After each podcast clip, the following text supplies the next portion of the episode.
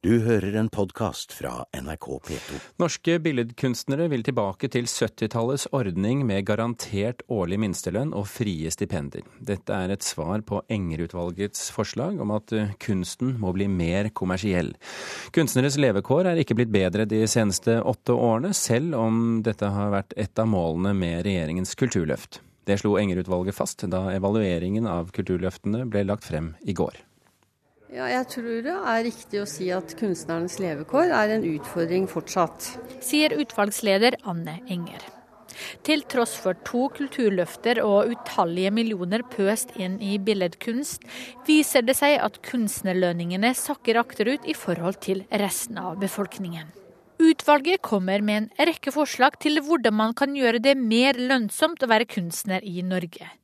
Mer penger til færre kunstnere er et av forslagene. Et mer kommersielt kunstfelt er et annet. Men organisasjonen Norske Billedkunstnere, NBK, ønsker å gå en helt annen vei for å bedre kunstnernes levekår. De ønsker seg heller tilbake til tilskuddsordninger slik de var før vi trådte inn i oljealderen på 70-tallet. Det kan hende at det var den kunstnerpolitikken med de gode støtteordningene som ble lagt allerede for 40 år siden, som er en årsak til at vi er der vi er i dag. Og Hvis man da gir kunstnerne mulighet til å jobbe med kunst gjennom stipendier, uten vinninger i bruk, så ligger, så kommer kvaliteten. Det sa styreleder i NBK, Hilde Rognskog. Et annet av utvalgets forslag som skremmer Rognskog, er at kunstnerne skal tenke mer kommersielt. En mer markedsretta kunstnerpolitikk er ikke bra for eh, billedkunstnere av den grunn at uh, det er da noen som er veldig stor i ett øyeblikk i, i historie.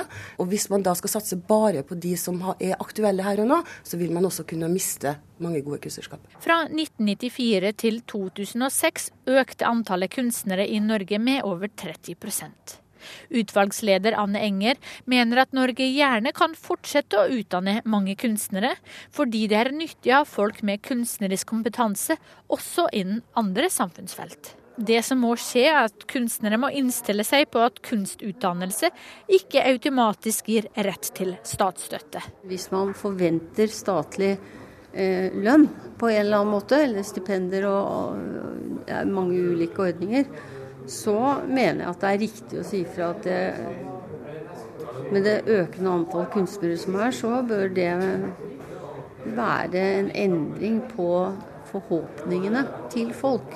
Også det er NBK helt uenig i. Er du først utdannet som kunstner, bør du kunne regne med statlig hjelp, sier daglig leder i foreningen, Gjert Gjertsen. Altså, Folk som er kunstnere, de, de er kunstnere, de, de må man ta hånd om. De aller fleste kjente kunstnere har levd på, på stipend i perioder. Uansett hvor, hvor, markedsorientert man er og om man ser bilder som går for 600 millioner, så har det vært kunstnere bak som har måttet ta stipendet også innimellom. I går ble den tykke gjennomgangen av kulturfeltet overlevert til en lyttende kulturminister. Nå er vi i gang med en omlegging av stipendordningene som jeg har stor tro på at vil ha eh, betydning for, eh, for flere kunstnere. Eh, men det er nok òg flere ting som kan bli gjort. Og når jeg nå legger ut på reise til alle landets fylker for å ha samråd med kulturlivet i alle landets fylker, så tar jeg gjerne imot innspill og vurderinger på hva kunstnere opplever at de trenger for å bedre sine levekår. Det sa kulturminister Hadia Tajik til reporter Sofia Paskiewicz. Knut Løyland, forsker ved Telemarkforskning med ansvaret for denne levekårsundersøkelsen, som altså danner mye av grunnlaget for utredningen som ble lagt frem for kulturministeren i går. Hvorfor har ikke levekårene blant kunstnere blitt bedre? Eh, nei, det er eh, i hvert fall eh, Sånn jeg ser det, så, så representerer Kulturløftet en økt offentlig etterspørsel etter kultur. Og deler av denne økte offentlige etterspørselen den har jo, har jo gått til infrastruktur, som også har blitt diskutert eh, i, i går i forbindelse med framleggelsen av, av utvalgets rapport. Så det som eventuelt skulle virke på kunstnernes levekår, det er da det er da en økt etterspørsel etter kunst, så at den får en indirekte effekt på, på, på, på kunstnernes inntekter. Problemet med kunstfeltet, er at det, det er mange mangesyslere i, i denne bransjen. Så, og det er en kronisk over, overskuddstilbud av, av kunstnere. Så, så ved, ved, økt etterspørsel, enten offentlig eller annen etterspørsel, så, så, vil, vil flere kunstnere Eh, tilbyr sine tjenester, og dermed vil det være vanskeligere å oppnå en høyere avlønning i, i det vi kan kalle arbeidsmarkedet for kunstnere. Men nå har jo tilskuddene til kunstfeltet økt i den kulturløfteperioden. så hvorfor har ikke flere av pengene tilflytt selve kunstnerne? Ja, Jeg kjenner ikke detaljene i, i hvordan dette har virka via stipendordningene. Men det er klart at hvis man, hvis man gjennom Kulturløftet har løfta utbetalingene via stipendordningene, så er det klart at de som da har vært heldige å ha stipender, de vil jo ha fått en, en inntektsøkning. Så, så, så, feltet er veldig sammensatt. og det er, det er veldig mange forskjellige typer eh, mange typer måter å organisere seg på i, i arbeidsmarkedet. Så så, så, avhengig av hvilken måte en er organisert på. Vi, vi, har, ha, ja, vi, vi kunne ha ulike eh, vi kunne gi ulike muligheter til å oppnå en høyere avledning da, eh, eh, gjennom den økte etterspørselen som du refererer til. Men, men, er det bare økt etterspørsel fra offentlige eller private som kan gi kunstnere bedre levekår?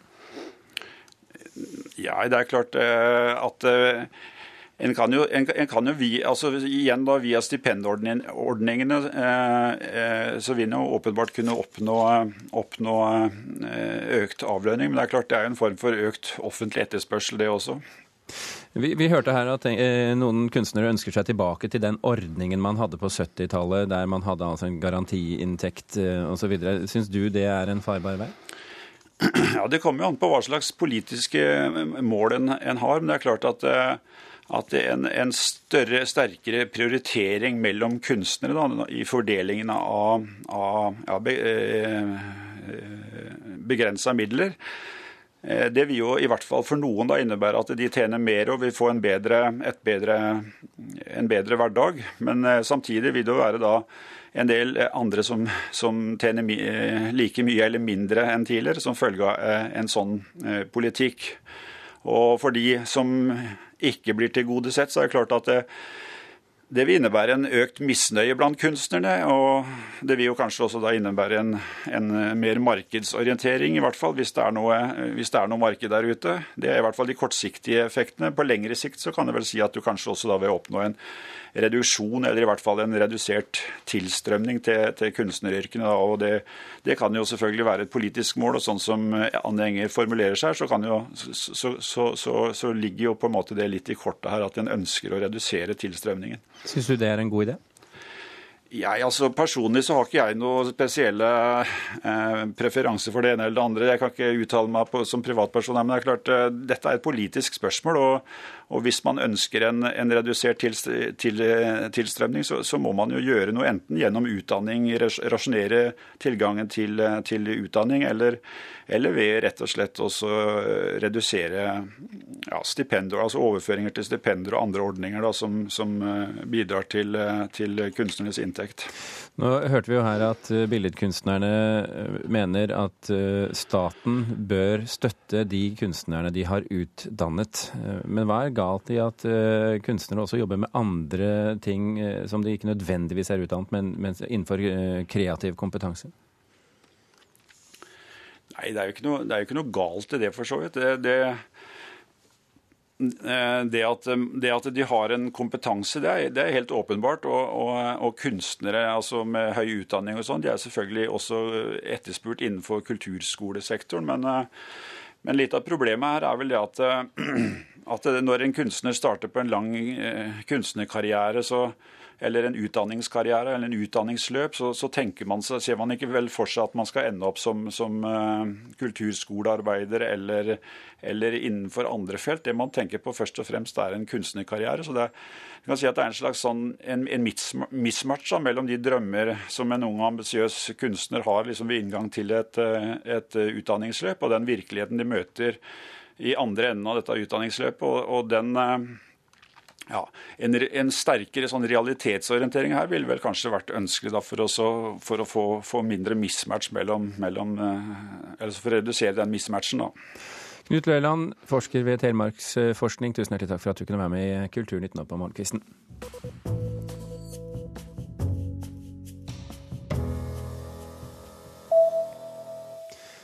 Artisten Tone Damlis advokater vurderer å gå til sak også mot personer som har delt en blogg på sosiale medier. Det skriver Dagens Næringsliv i dag. Damli saksøkte med advokathjelp eh, et, uh, Unnskyld, Damli søkte advokathjelp etter at bloggen til Christian Burmeister omtalte angivelige årsaker til bruddet mellom Aksel Hennie og henne. I går vant hun frem i retten og fikk innlegget fjernet. Et norsk arkitektkontor har fått oppdraget med å tegne den nye Kiruna by. Det skriver Aftenposten. Det er arkitektkontoret Gilardi og Helsten fra Oslo som med sitt forslag vant konkurransen. Gruvebyen Kiruna i Norrbotten, som har ligget på samme plass siden den ble etablert i 1900, skal nå flyttes for å kunne grave ut jern under der byen ligger i dag. Byen har i underkant av 20 000 innbyggere. Og politiet i Moskva pågrep i morges en mistenkt for syreangrepet mot Bolsjoj-ballettens kunstneriske leder. Den mistenkte skal ha blitt forhørt i morgentimene i dag. Og det var i januar at en maskert mann kastet et glass syre i ansiktet på kunstnerisk leder Sergej Filin. Da han ble behandlet for øyeskader i Tyskland i februar, uttalte Filin at han visste i sitt hjerte hvem som var den som angrep ham.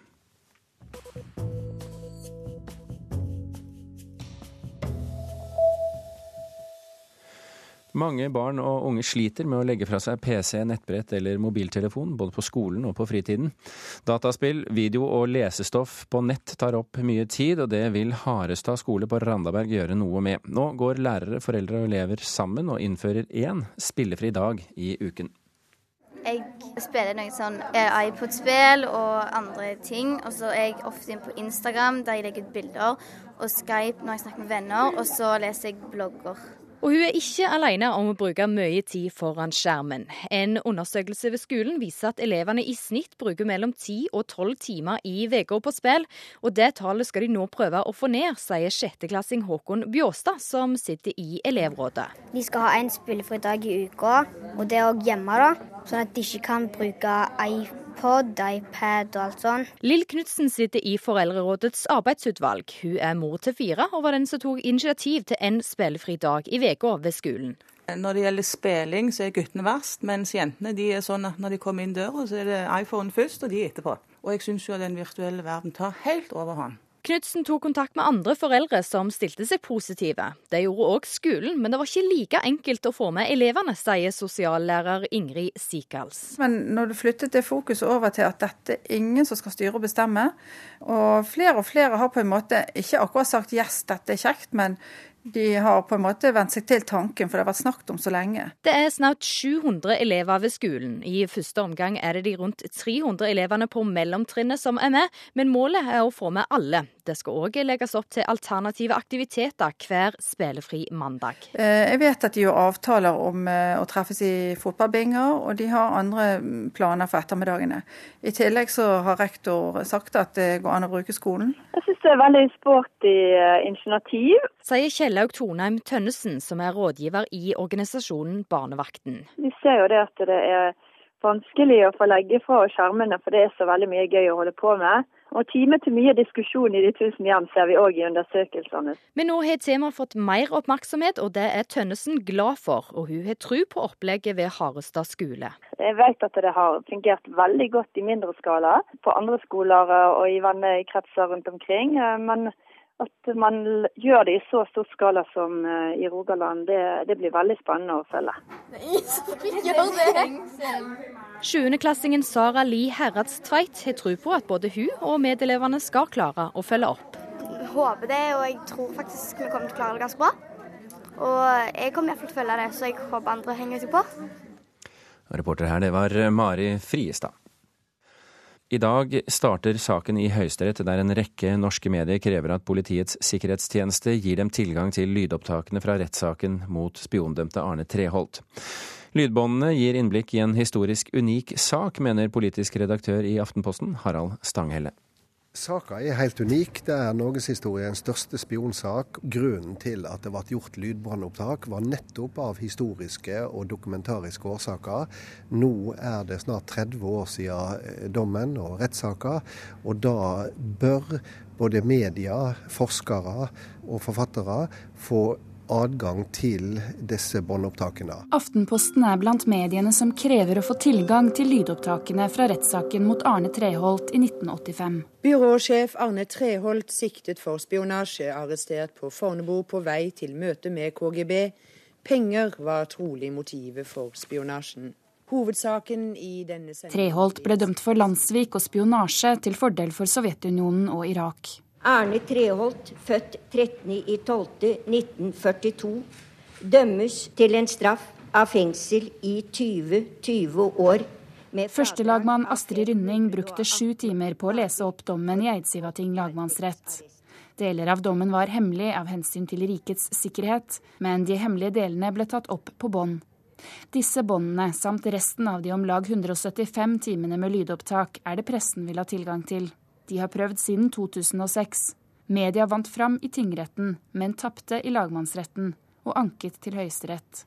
Det Høyesterett skal ta stilling til, er om pressen kan bruke Den europeiske menneskerettighetskonvensjons bestemmelse om ytrings- og informasjonsfrihet til å kreve innsyn i slikt materiale. Og dette er et eh, spørsmål som ikke tidligere har vært behandlet for norske domstoler. Denne saken er prinsipielt viktig. Det sier advokat i NRK Ane Stokkeland, som fører saken mot PST på vegne av mediene. Politiets sikkerhetstjeneste vil ikke at lydopptakene skal bli offentlige, fordi de mener at opplysninger som kom fram under rettssaken kan true rikets sikkerhet. Men politisk redaktør i Aftenposten, Harald Stanghelle, mener det ikke er noen grunn til å holde opptakene hemmelige når hele dommen er blitt offentlig tilgjengelig. Her var det store deler av saka som gikk for lukka rett. Nå er det på tide å åpne også det. Og det er en helt naturlig følge av at eh, hele Treholt-dommen nå er offentlig. Verken PST eller advokat Lasse Kvigstad, som fører saken for myndighetene, ønsker å kommentere saken overfor NRK. Det sa reporter Ida Kvittingen, og Høyesterett har satt av halvannen dag til denne saken. Du har hørt en podkast fra NRK P2.